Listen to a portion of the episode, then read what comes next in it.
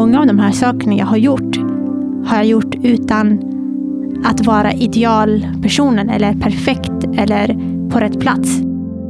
Ja, att vara idealpersonen för en viss uppgift eller ett jobb. Det är väl något som många känner att de behöver vara. För att liksom passa in och kunna göra så bra som möjligt ifrån oss. Men veckans gäst, Marie, hon har inte tänkt så och beskriver sig själv som en passionerad person med ett growth mindset. Och det, ja, det är ju bra. Men det kommer såklart också med vissa baksidor. Så i veckans avsnitt pratar vi inte bara om det fantastiska med att våga, utan att det också kan komma med vissa motgångar. Och innan vi drar igång veckans avsnitt så ska jag precis som vanligt tacka min fantastiska sponsor Excitec som gör att vi kan lyssna till de här fantastiska gästerna varje vecka. Så tusen tack för det, Excitec. Men nu, kära lyssnare, precis som vanligt, rätta till lurarna och dra upp volymen. För här kommer ett avsnitt med Marie Samre.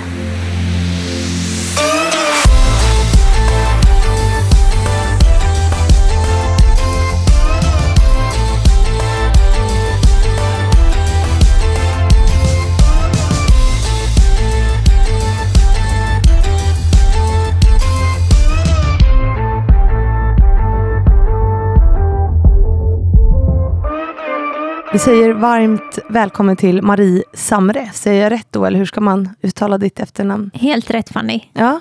Och tack så jättemycket, kul att vara här. Hur känns det? Hur är dagsformen? Det känns bra. Det är lite nervöst, Mm. eh, men det känns väldigt bra. Jag är så glad att få vara här och berätta lite mer om mig. Mm. Vad, vad är det du känner är nervöst, så att säga? Om vi börjar där. Jag brukar inte vara med så mycket liksom, i poddar och intervjuer jättemycket.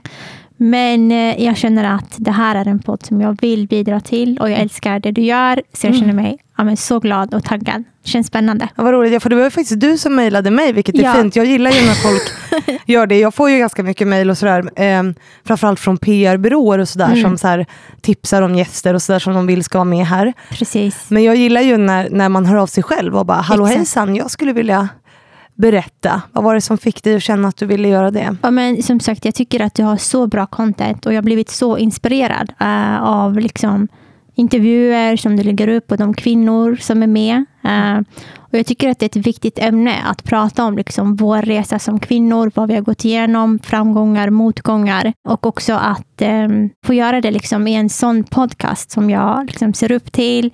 Eh, det kändes bara rätt att höra av sig och säga att jag älskar det du gör och delar gärna med mig. Ja, det är jättefint. Så varmt välkommen hit. Jag var ju tvungen att boka om vår förra inspelning för att jag blev sjuk. Alltså det hände ju typ aldrig. Alltså, men men eh, ja, nu är vi här. Nu är vi här och jag tror att allt händer av en anledning. Jag Ja. tror vi är menade att sitta här just idag. Det, det gör väl det. Att det hade Mm. inte varit så kul att lyssna på mig alldeles trött och hjärnan eh, inte riktigt med. Så Nej, det är bättre förstår. att vara pigg och alert när man gör poddintervjuer.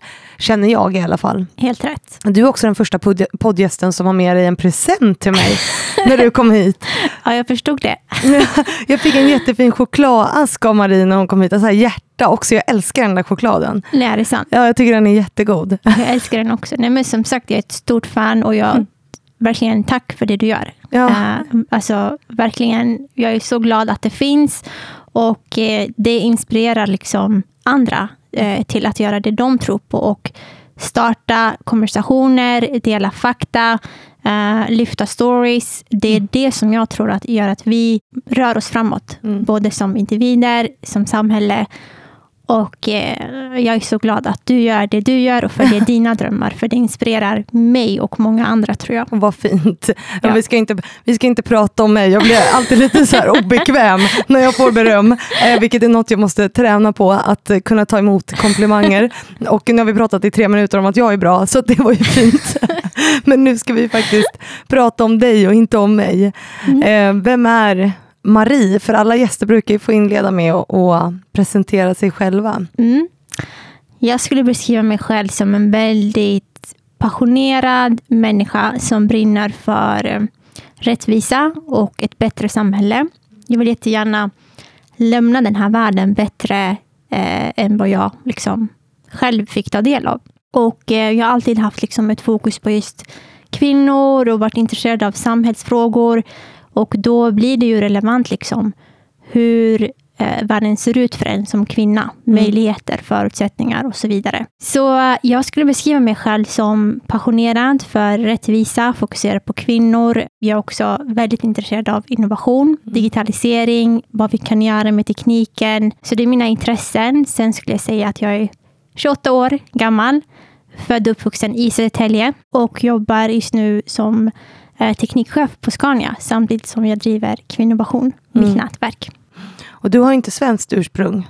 Eh, nej, jag skulle säga jag är född och uppvuxen här Mm. i Sverige, men mina föräldrar är eh, syrianer från Libanon. Mm. Hur har det varit längs resan? Alltså om vi pratar om att skapa en bättre värld så är det en fr- viktig fråga att prata om också, tänker jag. Precis. Jag skulle säga att det är eh, ganska berikande Mm. och speciellt och kul att ha två liksom, kulturer där man får välja ja, men vad gillar jag av det här och vad gillar jag av liksom, eh, den här kulturen. Så det känns väldigt eh, bra. Sen finns det också såklart att det adderar komplexitet i hur man blir bemött i samhället. Mm. Där skulle jag säga att jag har haft det ganska bra. Jag har haft ganska bra start i livet, tryggt, känt mig hörd, eh, haft väldigt bra men start i livet. Mm. Så jag är väldigt tacksam för det. Vad är det som är en bra start i livet för dig, tänker du? Kärlek, trygghet, växte upp ganska privilegierad. Mm. Jag växte bokstavligen upp i en ICA-butik där jag följde med liksom min pappa varje dag till jobbet och Mm. Han har en ICA-butik, eller? exakt Ja. hade då när jag växte upp. Så jag var där nästan hela tiden och det var så jag blev kär i böcker. Mhm. För att jag satt åt massa snacks och hade mina serietidningar. Så det var en stor del av min barndom. Så till slut blev jag väldigt bra på att läsa eftersom att jag gjorde det flera timmar om dagen. Och det ledde till bokdiplom i gymnasiet. Största nörden liksom. Vad är ett bokdiplom? Ja, men det var ett bokdiplom som man delade ut i Telegymnasiet. Då Mm.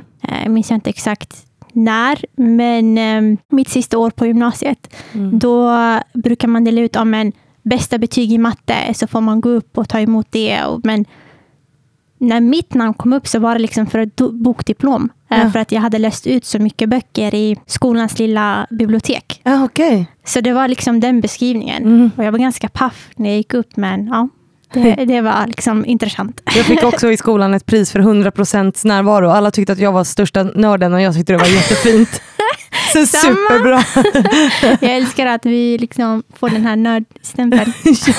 ja, men varför får man det egentligen? Alltså, det är ju Exakt. jättedumt. Verkligen. Nej, men jag älskar, tills idag, jag älskar böcker. Det är bland det bästa jag vet. Vad läser du för någonting då? då? Jag läser mycket eh, deckare, men just nu läser jag en roman som heter, tror jag, En enkel till Indien. Okej. Eh, och den är jättebra. Ja, men du läser fysiskt, du lyssnar inte på ljudböcker, eller hur? Jag läser eh, via liksom appar, men Mm. också via fysiska böcker. Mm, mm. Jag älskar det. Intressant. Ja. Hur gör du? Eh, och jag är otroligt dålig på att läsa faktiskt. Men, Okej. ja, och nu håller jag dessutom på att skriva en, en eh, ny egen bok. Så att jag, jag sitter bara och skriver och skriver och skriver.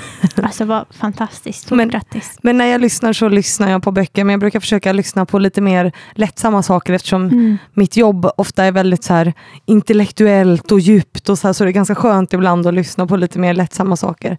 Dock ofta så feministisk litteratur såklart. Men Yes. Men alltså, jag fick ju ett uppvaknande av Under det rosa täcket av Nina Björk. En sån här bok liksom fick mig verkligen att inse hur samhället ser ut och hur man ser på genus och det så kallade naturligt feminina. Mm. Uh, så böcker är verkligen stor källa till kunskap och jag älskar att läsa också feministiska böcker. Men du beskrev dig själv som en eh, passionerad person. Mm. Vad tycker du liksom definierar en, en passionerad person? Det är lite intressant för att jag funderar ibland på hur andra skulle beskriva mig. Och Mm. Jag är i grunden en drömmare, en visionär, sån, sån som liksom får jättemycket idéer. Jag är en idéspruta. Men vad som har lett till framgång och sån här uppmärksamhet och så, det är ju att jag har också samtidigt varit en doer. Mm. Alltså, jag har vågat ta steg för att förverkliga det jag ser ett behov av att finnas liksom något som jag upplever saknas. Mm. Till exempel med, när jag startade Kvinnovation eller när jag kandiderade till riksdagen 19 år gammal. Mm. Eh, Jag har alltid liksom haft passion, idéer, drömmar, men samtidigt har jag vågat ta steg eh, för att förverkliga saker och ting och för att göra saker. Så det är det jag menar med att jag har passion. Jag har både idéer, men också ehm, en, liksom, eh, vad ska man säga, en kraft att göra saker. Inte bara sitta och tänka, men det här borde finnas och sen inte göra något åt saken. Ja. Var kommer det modet ifrån tror du? Då? Jag tror att det kommer utifrån att jag är ganska logiskt lagd, skulle jag säga. Liksom som jag tänker att oh, men, det här finns inte och det här är en bra idé. Varför ska jag inte starta det snarare än varför ska jag starta det här? Mm. Jag tänker ganska behovsmässigt och att om jag har chans att göra någonting, vad är det som hindrar mig egentligen? Mm. Det finns inga hinder för mig att göra de här sakerna, så varför ska jag hindra mig själv? Mm. Men hur har du utvecklat det? För jag tror väldigt många människor eh, ja, det finns ju en bok som heter typ Top 5 Regrets of Dying, liksom, Mm. som en sjuksköterska har skrivit, eh, som har jobbat liksom med eh, Ja, men, eh, hon är sjuksköterska och har jobbat med människor som ligger på dödsbädden. Mm. Liksom. Och hon säger ju att en av liksom, de största eh, sakerna som man ångrar är ju just det här att man liksom inte har levt sina drömmar, att man har levt utifrån normen, att man liksom tvingas in i det. Mm. Eh, så att många lever ju liksom med det här hindret att göra de här sakerna. Mm. Hur har, du, alltså har du reflekterat någonting över hur du har hamnat på en plats där du känner att du vågar göra det och bara köra? Jag tror det är att jag har haft en stark och trygg uppväxt med mycket kärlek och uppmärksamhet. Mm. Där vuxna runt omkring mig har trott på mig. Vilket har underlättat för mig att tro på mig själv. Mm. Eh, när jag har stött på orättvisor egentligen har det varit utanför. När man blir äldre, man är del av ja, samhället, skola, politik, media, arbetsplats. Det är där jag har stött på saker. Och i och med att jag har en trygg grund så har jag kunnat ha kraften att säga emot eller tänka annorlunda. Och jag har varit så sedan barnsben väldigt ifrågasättande av Mm. saker och ting. Så jag tror att någonting där finns från ja, men uppväxten och också som jag är som person. Men sen utöver det finns det något som är growth mindset, Mm. heter det. Och det är något som jag tror på jättemycket. Och det är det som har fått mig att våga göra saker, även fast jag, precis som alla andra människor, känner oro, tvivel, rädsla. Mm. Eh, Många av de här sakerna jag har gjort, har jag gjort utan att vara idealpersonen eller perfekt eller på rätt plats. Till exempel när jag var 19 år och kandiderade till riksdagen, då var jag inte jätteförberedd. Eller eh, när jag startade Kvinnovation var jag nyexaminerad och hade aldrig startat en ideell förening eller hade någon i min närhet som hade gjort det här. Liksom. Mm. Så growth mindset, eh, det är något jag läste om och som jag faktiskt fick ta del av på ett event. Vill du utveckla vad det är för någonting? Precis, growth mindset det är ett mindset som är motsatt till ett fixed mindset. Ett fixed mindset är när man är väldigt fyrkantig i sitt sätt att tänka. Mm. Där man har en negativ eller pessimistisk inställning. Ja, men jag kan inte det här, därför ska jag inte testa det. Eh, jag är naturligt inte bra på det här. Eh, och så vidare. Medan growth mindset är att okej, om inte jag har skrivit en bok innan till exempel, ja, men det innebär, bara att jag ska sätta mig ner och testa och eh, öva tills jag kan skriva en bok, tills boken blir klar. Snarare än ha ett pessimistiskt mindset som säger att men det här kan jag inte, det här är inget för mig. Det är inte för någon som mig att Nej. göra. Eh, så att eh, det är att eh, inte liksom nedslås av pessimistiska tankar utan att eh, se att har man passion och grit och intresse så kan man klara av saker som man inte har gjort tidigare. Mm. Och det där handlar ju väldigt mycket om också att, tänker jag, att liksom förstärka sin inre magkänsla. Så människor överlag har ju lättare att lyssna på negativt och prata Mm. negativt om sig själv. Du måste ju fylla på, nu kommer inte jag ihåg exakt siffran, om det är typ så åtta bra saker för att, en, för att slå ut en negativ Mm. sak. Eh, för att vi naturligt tänker negativt. eh, så. Eh, hur brukar du göra för att fylla på det där? För jag tänker att det är en del av growth mindset, att man Ja. liksom fyller på den här positiva. Precis, det stämmer som du säger att vi har mycket mer negativa tankar än vi har Mm. positiva. Mm. Och det första är att vara medveten om det. Mm. Eh, och eh, det vet jag att så är det. Så därför när jag får de här negativa tankarna eh, så kan jag se det på ett lite mer logiskt sätt. Mm. Att okej, nu har jag negativa tankar om det här. Eh, jag är rädd för att jag ska göra det här för första gången. Och jag får de här tankarna, känslorna, men det kommer inte gå bra, jag kanske inte är bra nog. Men då ser jag det för vad det är. Ser mina tankar med ett lite överblicksperspektiv om att det här är min hjärna som försöker skydda mig. Mm. Vi har ju de här negativa tankarna för att hjärnan vill skydda en. Eh, Att inte sticka ut från flocken, inte göra misstag som för ja, men, flera tusen år sedan skulle leda kanske till att man blir utstött och inte överlever. Mm. Det är samma liksom mekanismer.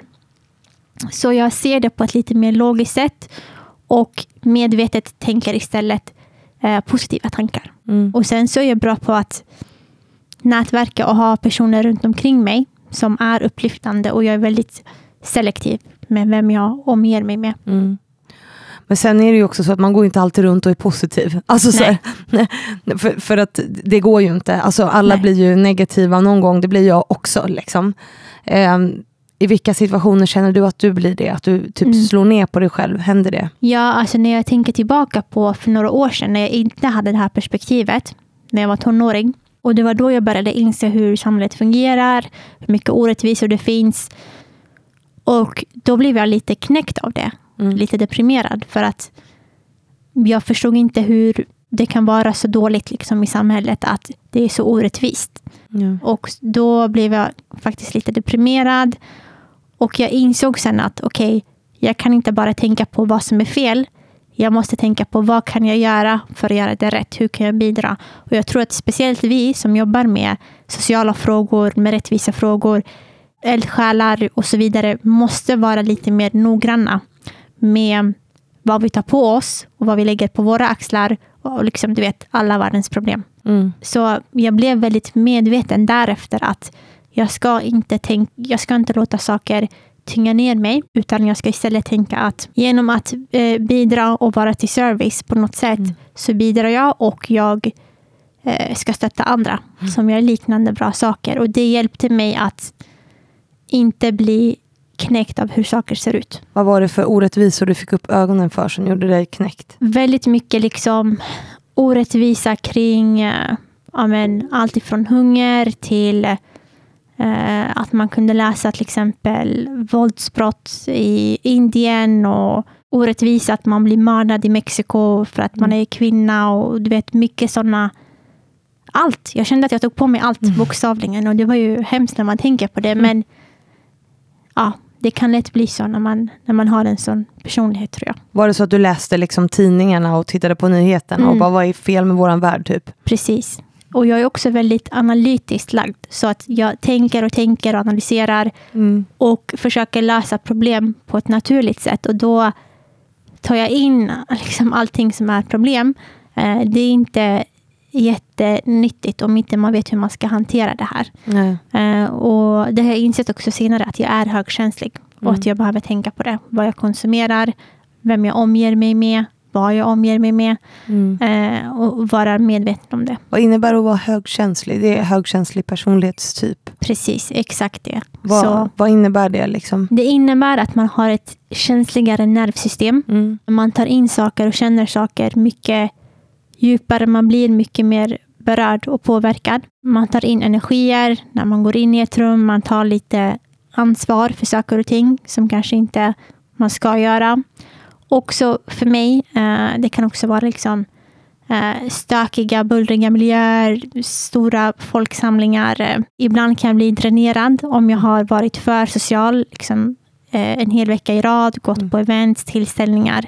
Så jag behöver vara lite noggrann med, med sådana saker. Mm. Det, Det var där för mig. ja, precis. Det tar väldigt mycket energi att vara i sociala sammanhang. Liksom. Exakt, som är eh, beroende på vad för sociala sammanhang. Mm. Men absolut, Mm. det, Mm. Hur hanterar du det då? Har du lagt in tid för återhämtning eller hur? Exakt så. Mm. Jag har lagt in tid för återhämtning och jag är noga med att planera in roliga saker i Mm. mitt schema. Så jag har också gjort en lista på vad ger mig energi och vad tar min energi.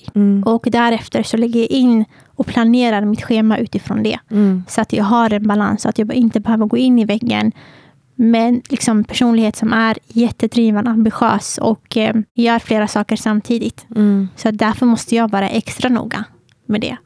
Eh, och det finns inga hinder till mig som liksom driven person att vara både driven och högkänslig. Det vill jag verkligen så påpeka för alla som känner igen sig i det här att så länge du planerar utefter dina behov så finns det inga hinder. Jag till och med driver ett nätverk av alla saker. Liksom. Att, ja, men träffa liksinnade, liksinnade personer, events, mingel. Liksom. Jag tycker att det är kul. Det är bara Mm. att jag behöver planera utifrån mig och mina behov. Hur kom du till insikt om, om det här? Liksom att du var högkänslig och att du behövde göra så här. Vad var det som fick dig att inse det? Mm. Men jag eh, älskar ju allt som har med självutveckling att göra. Jaha. Och det leder till att man lär ju känna sig själv. Eh, som sagt, jag gjorde lite listor och eh, jag insåg då liksom, okej, eh, vissa av de här sakerna eh, kan jag se liksom, på beskrivning av högkänsliga personer. Och ehm, det var lite så jag kom in på det faktiskt, för mig. Du, du liksom läste på om det och så kände Ja. igen det i olika tecken. Typ som att du blev trött av sociala Ja, sammanhang och precis. sådana saker. Mm. Det är viktigt.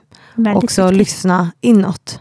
Absolut, det är då jag fått mina bästa insikter. Mm. Så Vill du ge något exem- exempel på en sån eh, insikt förutom att du är högkänslig? jag tror att man lär sig väldigt mycket med åren. Jag är ju relativt ung också. Mm. Så jag lär mig saker hela tiden känner jag. Från ett år till ett annat tänker jag, men hur visste jag inte det här? Hur jag inte liksom, ja, men det är spännande. Men Mm. jag skulle säga en insikt som jag har in, fått, en insikt är att jag ska, det är skillnad på fokus och tid. Mm.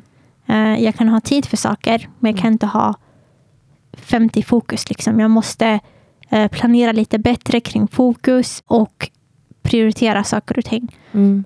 Det är en insikt som jag har fått av att reflektera och nu är jag mycket bättre på det än för fem år sedan. Och du är bara 28, så Ja. du har ju många år kvar på sig. Nu lät jag gammal, jag är 34 snart, men, men Mm. ändå. 28 är ju det är någonstans mellan 25 och 30 där som man, som man växer på något sätt. Alltså man växer ju Mm. alltid som människa, men det händer ju mycket i den åldern. Verkligen. Det, det känns verkligen som att ett år är inte det andra likt och jag lär mig så mycket om mig själv. Och såklart, det har ju också att göra med att jag utmanar mig själv. Jag slänger mig själv i utmanande situationer eh, där jag har intresse för att växa, för att lära. Hallå kära lyssnare, här kommer ett litet reklaminslag för ett kommande event som jag ska ha i samarbete med Tre. För jag vet inte om ni har tänkt på det, det har ni säkert för det kommer upp flera gånger i den här podden. Och det är faktumet att jämställdhetsarbetet ofta läggs på en kvinna som brinner för frågorna och att hon jobbar med de här frågorna egentligen utan att få någon lön för arbetet. Och det där, det kan göra mig enormt frustrerad. Jag har ju själv en bakgrund inom techbranschen där vi idag bara har 17% kvinnliga VDR. Så vem sitter på störst makt att skapa en jämställd techbransch? Det behöver vi ta ett snack om. Och vi ska göra det den 20 april. För vi vet ju att det är framförallt ledarna som har en avgörande roll i att visa vägen. Och jag kommer på scen ha ett panelsamtal med männen inom tech som gör det. Vi ska också snacka om hur könsnormer begränsar oss och hur vi kan agera annorlunda för att skapa en inkluderande kultur tillsammans. Det är ett event som är uppdelat i ett morgon och ett eftermiddagspass och jag blir såklart jätteglad om ni vill komma. Jag har länkat till sidan där ni kan hitta mer information och boka era biljetter och gör det idag därför att det finns begränsat med platser och det är helt kostnadsfritt. Så kika in via länk i beskrivningen på det här avsnittet. Förebilder är ju liksom en förutsättning för jämställdhet på något sätt. Mm. Det har vi läst om bland annat i, i ownershifts rapporter att det liksom, if you can see it you can be it. Yes. Att det är superviktigt, det är inte en slump att den här podden heter Fannys förebilder. Men det som de också visar på är att det också är otroligt viktigt att prata om sina misslyckanden, alltså man också pratar om sårbarhet och Mm. misslyckande så att det inte blir en så ouppnåelig bild av någon typ av supermänniska som man ska leva upp till och vara som. Mm. Ehm, och du var lite inne på det när du pratade om att du kandiderade till riksdagen och att du liksom då inte var helt förberedd.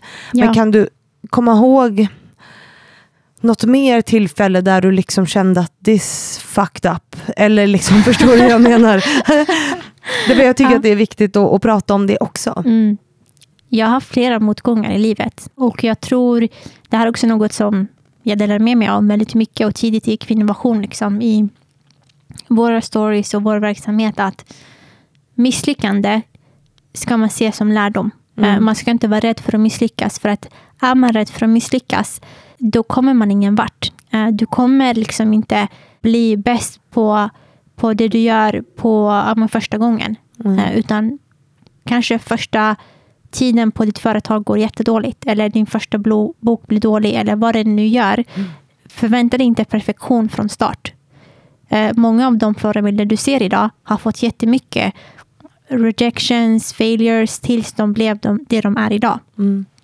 Och eh, jag delar också med mig av vad har varit liksom, eh, svåra saker eller misslyckanden för mig. Eh, och till exempel, när jag startade Kvinnovation, allt gick ju jättebra på första eventet. Eh, de två tjejerna som vann tävlingen startade ett bolag ihop, ett AB. Mm.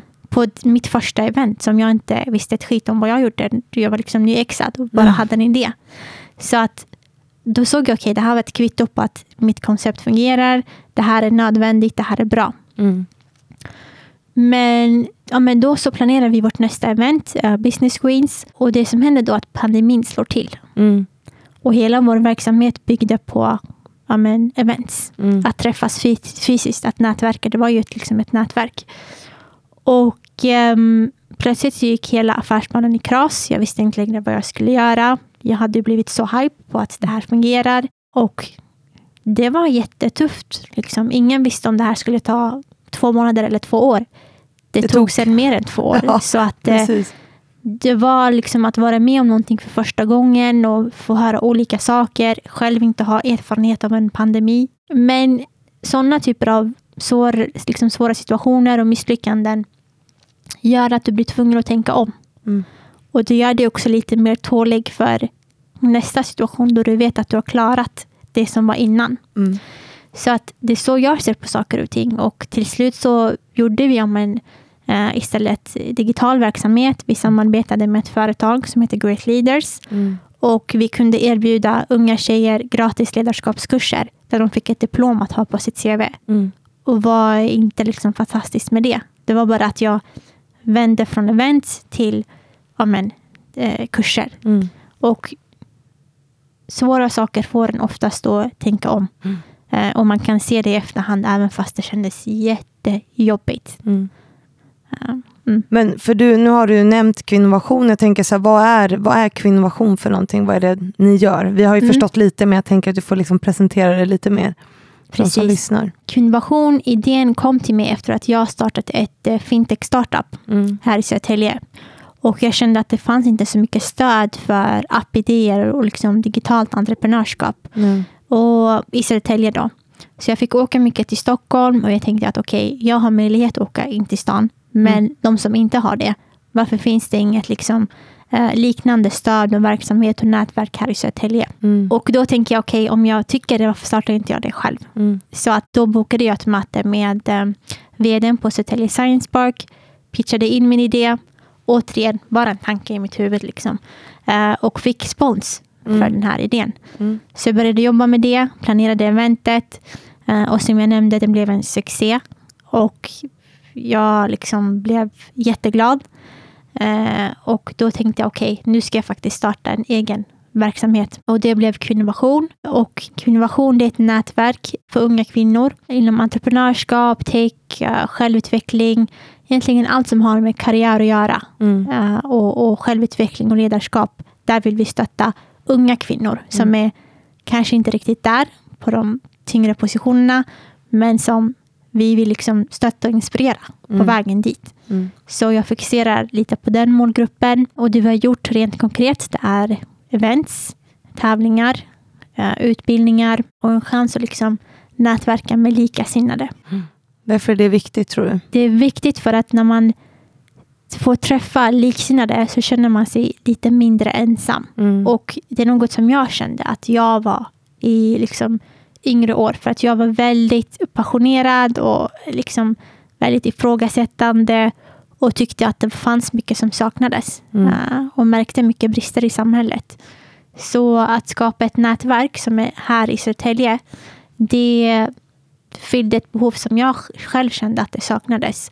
Och när det blev en succé och det blev så många som liksom hörde av sig och, och eh, då kände jag okej, jag var inte ensam om det här. Det finns ett behov. Mm. Vad är det som kommer upp på de här träffarna när du pratar med de här unga kvinnorna? För de är, vilken ålder är de emellan? Ja, men jag skulle säga allt från 16 till 26-27. Men, och de är inte specifikt inom tech? Eller? Det nej, liksom, nej, faktiskt inte. Och eh, nu kommer vi också ha en till gren i verksamheten som är mer kreativ. Mm. Så vi kommer röra oss åt ett kreativt håll som kommer fånga upp fler tjejer. Mm. Och vi kommer fokusera just på att äga sin röst, storytelling och ehm, representation. Mm. Men vad säger de här unga tjejerna då, när de är på de här träffarna? Vad är det som kommer upp? För du säger du upplevde att det fanns ett behov. Liksom. Mm. Vad är det som de har för tankar? Precis, att man känner att det här är ett inkluderande sätt att träffas på. Mm. Där man kan ses på grund av nyfikenhet. Mm. Man behöver inte ha vissa meriter, man behöver inte ha en viss utbildning, man behöver inte ha startat till exempel företag, Mm. som många sådana eh, nätverk kan vara. Utan här stöttar vi den som är intresserad, nyfiken, driven, som är på väg någonstans, men Mm. kanske inte riktigt är där. Men vad upplever de att de möter för utmaningar? Liksom? Varför? Brist på föredöme, Mm. stöd. Vi kan också ge affärscoachning. Mm. Eh, vi kan dela med oss hur vi har gjort för att göra saker och ting. Vare sig det är starta eget eller pitcha in sig själv för ett möte, en intervju. Mm. Och eh, sen liksom den här tävlingen. Eh, vi har ju också tävlingskons- tävlingskoncept på våra event. Och där får man ju också del av prispengar. Mm. Och många kände liksom att varför de här tjejerna till exempel i början startade företag var ett för att de blev matchade med en liksinnad. Så de Mm. kände den här vill jag starta företag med. Men sen också prispengarna Mm. som var en liten summa men ändå gav så mycket alltså confidence Mm. i de här tjejerna att någon tror på mig, därför kan jag starta det här bolaget. Ja. Det behöver inte vara så stora saker. Nej. Det kan vara att bli bekräftad. Så det var så stort för mig att se. Hur tänker du att vi kommer åt de som sitter på makten då, som oftast är männen? Så Mm. det vet vi ju. Ja. Eh, Att den, den dialogen måste ju på något sätt vara parallell, tänker jag. Mm. Att du måste ju eh, prata om liksom det kvinnliga och de utmaningarna och liksom stötta kvinnorna i den liksom ojämställda struktur som vi lever i. Men det måste också ske från andra håll, alltså de som investerar pengar, de som liksom, och det är ju oftast män. Mm. Hur tänker du att du kan nå, nå dem? Precis, ja, men det är en jätte, jätteviktig fråga. Som inte är helt lätt, jag jobbar också med den. Så att, Ja, men exakt. Och vi har Mm. också fantastiska organisationer som Ownershift Mm, eh, och många fler liksom, som jobbar med de här frågorna. mm, Jag tror att vi kan inte förvänta oss att vänta på de i maktpositioner att plötsligt vakna en dag. Jag tror Mm. att det kommer att gå ganska långsamt i så fall. Vi har redan påvisat att det är mer lönsamt för företag att investera i eh, mångfald. mm, Både i ledarpositioner men också i team i alla delar av företaget. mm, Vi vet det här. Men eh, att gå från idé till handling är svårt för vissa bolag. Vissa har kommit längre än andra. Men jag tror att vi måste organisera oss mer i olika sammanhang som kvinnor, som ja, vad det nu är. Mm. Och faktiskt kroka arm, stärka varandra. Eh, de som faktiskt jobbar med frågorna. Och sen helt enkelt vara lite mer krävande. För Mm. att vi är ju redan det. Men jag, jag skulle inte vänta på de här personerna i makt. De gamla Utan- rävarna. Exakt, jag väntar inte på dem utan fortsätt göra det man gör. Fortsätta det fantastiska arbetet som många organisationer gör, som du gör. Eh, och kroka arm och vara helt enkelt eh, högre Mm. i det vi pratar om. Men Kvinnovation, det startade ju liksom ur eh, att du själv har varit inom tech, eller Mm. hur? Att du, du var i den branschen. Du berättade att du hade tagit examen. Vad är det för examen du har tagit? Kvinnovation eh, började egentligen ur en fintech-startup som Mm. jag startade. Precis. Och sen så eh, vad jag studerat, det, jag studerade faktiskt juridik Mm. på gymnasiet. Och sedan efter gymnasiet så studerade jag genusvetenskap, därefter media eh, och kommunikation och eh, sen innovationsledning och ledarskap. Så det är faktiskt min utbildning. Mm. Sen hamnade jag på en roll som teknikchef Bara hipp som happ. Men hur, hur kommer det sig att du gjorde det då? Ja. Ja, men, hur länge har du varit där? Har du, haft några, du startade ett fintechbolag när du var Precis. hur gammal? jag gick fortfarande i eh, universitet. Mm. Jag vet inte exakt hur gammal jag var, men eh, ja, jag var inte så gammal. Liksom. Det var minst fem sex år sedan. Hur kom du på det? Eller vad var det för fintech? Det var en social app, eh, socialt entreprenörskap, där man skulle minska på hunger eh, genom att kunna eh, tracea transparenta donationer. Man ska kunna se som, eh, säg att du vill donera till eh, en jordbävning på andra sidan Mm. jordklotet. Hur ska du veta att de här pengarna inte hamnar i mellanhänder? Mm. Så vi skulle använda den senaste tekniken för att se till att det finns transparens och pengarna kommer fram. Mm. Hur kom du på den idén? Jag drömde om den efter ett inspirerande event. Ah, okej. Så jag gick på ett event här i Stockholm. Jag pluggade ju här eh, Mm. i stan. Men du och- bor i Södertälje fortfarande? Exakt. Ja. Så jag gick hem, var jätteinspirerad, drömde och jag drömde om den här idén. Och nästa dag startade jag med idén. Mm. Och jag skapade faktiskt en app. Och sen så Men du hade hjälp att knacka den eller knackade du själv? Eller hur? Nej, nej, jag gjorde ingenting själv. Utan det var, jag är inte liksom programmerare. Men jag hade faktiskt ett jättebra samarbete via Drivhuset med en indisk programmerarskola. Mm. Så det ledde till den appen. Och sen så, i och med att jag fick stöd, så mycket stöd i Stockholm, och såg alla de här grymma events och nätverk som fanns. Det var då som sagt som jag tänkte, okej, varför finns inte det här i Södertälje? Ja. Och då föddes idén till Kvinnovation. Ja. Och jag känner att allt i mitt liv, den ena saken leder till den andra. Mm. På ett sätt som är ganska... Ja, Men så, så är ju livet på något sätt. ja exakt. Mycket exakt. händer av en anledning och saker hänger ofta ihop Mm. och sådär. Analyserar man det så är det väldigt fint faktiskt. Ja, faktiskt. Det har alltid funnits en röd tråd i det jag gör och det tycker Mm. jag är ganska häftigt. Mm. Men du drev det där ett tag och sen hamnade du på Scania eller har du haft några jobb däremellan? Jag har haft några jobb emellan och eh, hur jag hamnade på Scania vet att jag blev ju väldigt intresserad av teknik. Mm. Då jag jobbade liksom med kundinnovation och vi hade liksom jätteduktiga personer som pratade eh, om sin karriär inom tech. Och, För du har varit inom tech hela tiden? Eller? precis. Vad har du haft för roller då? Inte roller, men Mm. inom nätverket så har jag Okej. eh, haft mycket liksom, i techvärlden till exempel. Jobbat med ja, men som projektledare av att skapa Mm. teknikevent eh, åt till exempel Science Park. Ja. Så på det sättet har jag varit en fot inne och en fot ute kan man säga. Mm. Men sen så tänkte jag okej, det här verkar intressant. Jag vill faktiskt testa på det. Mm. Och det var så jag hamnade på Scania med en riktig så teknisk roll. Men eh, jag skulle inte liksom sitta med tekniska detaljer utan jag leder ett tekniskt team. Vilket passar mig. Liksom. För att jag tycker också att det, det är kul med förändringsledning, eh, innovation och ledarskap. Vad är det som är kul med det då? Att få leda under en tid av transformation. Ja. Det tycker jag är väldigt spännande och världen är ju verkligen under en tid av transformation men också eh, att vi rör oss mot eh, ja, men, grönare eh, produkter. Vi ställer mer krav på Mm. det eh, och det gäller också trans, liksom, eh, transportbranschen. Mm. Så ja, intresse leder en till att testa saker, i alla fall för mig. Mm. Eh, och jag är en sån som, får jag ett in- intresse för någonting, då vill jag faktiskt testa på det. Jag vill inte sitta och tänka, eh, som du sa, liksom, när man är äldre och 70 år gammal, men varför testar inte jag det där? Nu. Då bestämde du dig för att testa. Sökte du bara ett jobb som teknikchef? Bara, det här blir bra eller?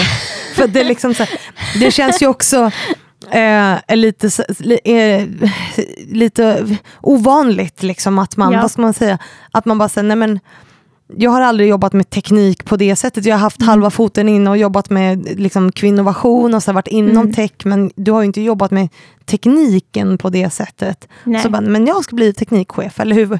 Hur blev det så? Liksom? Ja, men jag drevs av intresse. Mm. Eh, och sen så nätverkade jag, hörde jag mig för innan liksom rollen. Mm. Och sen tog jag steget. Mm. Men också, det är inte så typiskt och jag är inte en typisk person. Det Nej. ska man faktiskt också ha med. Men jag tycker att det är något man ska våga mer av. Mm. Eh, Jag tycker att man ska utmana sig själv, även fast det är läskigt och jobbigt. Följ ditt intresse och se vart det leder dig. Mm. Du kanske inte är där inom, om fem år, Nej. men åtminstone så har du testat. Nu vet du det. Mm. Eh, och det leder en till ens eh, place to be, tror jag. Mm. Att testa saker. Men in, för inom techbranschen som ju har en utmaning, alltså det finns bara 17 procent kvinnliga vd liksom, Mm. inom techbranschen. Där pratar man ju också ofta om att det inte finns kompetens och att kvinnor eller unga tjejer inte är tillräckligt intresserade av tech.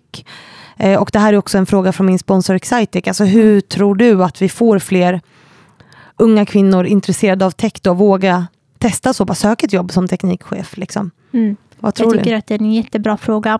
Och vad jag tror personligen, Mm. det är just sammanhang där man är välkomnad som nyfiken och intresserad. Mm. Och det var det jag försökte göra med Kvinnovation och försöker och har gjort. Det är att skapa en plats för dig som är nyfiken som ung tjej. Eh, och du behöver inte ha någonting, liksom, någon typ av merit, att du pluggar teknik för att komma hit eller att du måste ha jobbat ett visst antal år. Att skapa välkomnande platser där nyfikenhet eh, kan leda en till saker och ting. Jag är ett exempel. Jag var inte intresserad av tech när jag växte upp. Eh, jag hade ingen runt omkring mig som pratade om det. Det var inte liksom ett intresse liksom, sen barnsben. Men jag fick det genom att själv, genom att vara i närheten, vara nyfiken, Mm. höra andra kvinnor prata. Vi bjöd in jättemånga teknikkvinnor som pratade om sin resa. Bland annat Caroline Solskär som gick från sjökock Ja, till... eh, Hon har varit här, men det var länge sedan. Ja, men exakt. Så du ser att, att bjuda in de här kvinnorna, dela stories, dela liksom driv, intresse, det leder till att man vågar ta nästa steg, att man känner att man vill ta ett nästa steg. Om det är så att man får ett techintresse som jag fick, Mm. sen är inte det en garanti. Men jag tror absolut att skapa de här platserna, Mm. vare sig att företag bjuder in till sådana träffar, att kvinnovation eh, existerar och inspirerar på det sättet. Göra liksom eh, digitala, intressanta, kreativa kurser. Eh, sådana saker. Att få vara del bara av nyfikenhet och inte att man måste läsa en lång kurs. Det tror jag öppnar dörren för fler. Ja. Det är mitt perspektiv. Sen finns det säkert mycket mer man kan göra. Du säger också att du är intresserad av liksom ledarskap och sådär. Du var ju nominerad till Framtidens kvinnliga ledare 2022 av ledarna. Vad är det med, med ledarskap som du tycker är kul? För det blir ju också någonting nytt för dig. Alltså du, I kvinnovation så är du ju en typ av ledare, men när du går in på Scania som teknikchef så blir du ju liksom En annan typ av ledare. Då blir du ju en, en ledare, om vi ska, då ska an- ordet jag inte gillar som heter chef. Alltså att det liksom är skillnad på det. Mm. Jag skulle säga att, ehm, att jobba som chef i ett stort företag, Mm. eh, det är absolut ehm, ett annorlunda typ av ledarskap. Mm. Men samtidigt så har man de naturliga ledarskapsförmågorna som Mm. jag har verkligen utvecklat genom åren i diverse roller utöver kvinnovation. Då finns det en grund, men samtidigt så fanns det så mycket lärande Mm. att det är liksom bara det gjorde det väldigt värt att, em, att testa på. Och jag skulle säga att ledarskapet får mig att växa som person. Mm. Därför är det väldigt rewarding. Och det är det jag älskar med ledarskap. Och också såklart att se andra personer växa. Mm. Det, det är helt eh, magiskt. Det går inte att liksom förklara på ett annat sätt. Det, det ger så mycket Mm. för mig. Vad är det du tänker när du säger viktiga ledarskapsegenskaper som du liksom har? Vad är det Mm. för, för egenskaper du tänker på då? Att våga vara obekväm, Mm. våga vara modig, tydlig, men samtidigt empatisk. Mm. Eh, att inte se ledarskap som ett sätt, eller chefskap, som ett sätt att peka med hela handen. Nej. Det är inte min typ av ledarskap. Det är att få människor att växa, möta dem där de är Mm. och inte behandla alla lika. Eh, en person kanske är introvert, en annan är för, rädd för förändringar. En annan är si eller så.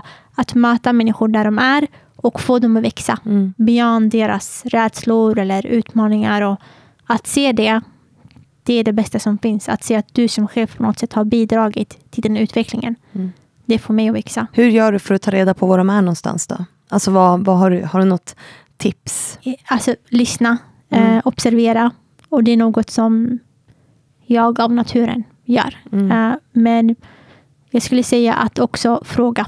Mm. Eh, inte vara rädd. Liksom folk, eh, ofta vill man gärna berätta och dela med sig. Mm. Så jag tror att vi ska inte vara rädda för att ställa frågor. Liksom. Hur känner du kring det här? Hur kan jag hjälpa dig? Mm. Finns det något jag gör som jag kan ändra på? Mm. Och inte också våga ställa den frågan som chef. Det tror Mm. jag är viktigt. Nyfikenhet är ju Ja. nyckeln till så otroligt mycket eh, faktiskt. Ja. Att lära sig om andra och förstå andra människor och också lära sig om sig själv, tänker jag. Mm. Eh, Det finns en bok som heter Active Listening som handlar om just förmågan att lyssna och att göra det aktivt med empati. Alltså du kan ju lyssna på olika nivåer. Du kan ju sitta och lägga in dina egna värderingar och du kan ju, alltså sådär, men aktivt lyssnande är ju en, en Mm. färdighet och en kompetens liksom. Som Oh ja. är utvecklande för båda parter eh, på väldigt många sätt. Verkligen. Och det är också något man får ta del av Mm. på alla de här ledarskapskurserna som, Mm. som man får ta del av. Så får man lära sig att lyssna Mm. utan att komma in med liksom ens egna bild eller Mm. eh, ställa ledande frågor. Det tycker jag är jättesvårt. Men Mm. samtidigt, det är också helt rätt. Ja. Det är Bara svårt. Det, Ja. det, det är en konst att göra det, men väldigt utvecklande. Mm. Absolut. Jag tänker att, liksom, att få folk också att berätta här är jag eller det här är mina utmaningar. Det kräver ju också någon typ av sårbarhet från Mm. ledare. Mm. Eh, hur tänker du? Alltså, du sa empati och så, här, det ingår ju mycket i det. Men hur, hur tänker du att du visar sårbarhet? Jag skulle säga att jag kan visa mycket mer sårbarhet. Mm. Men eh, sårbarhet är en sak som är olika svår för olika liksom, personligheter. Mm.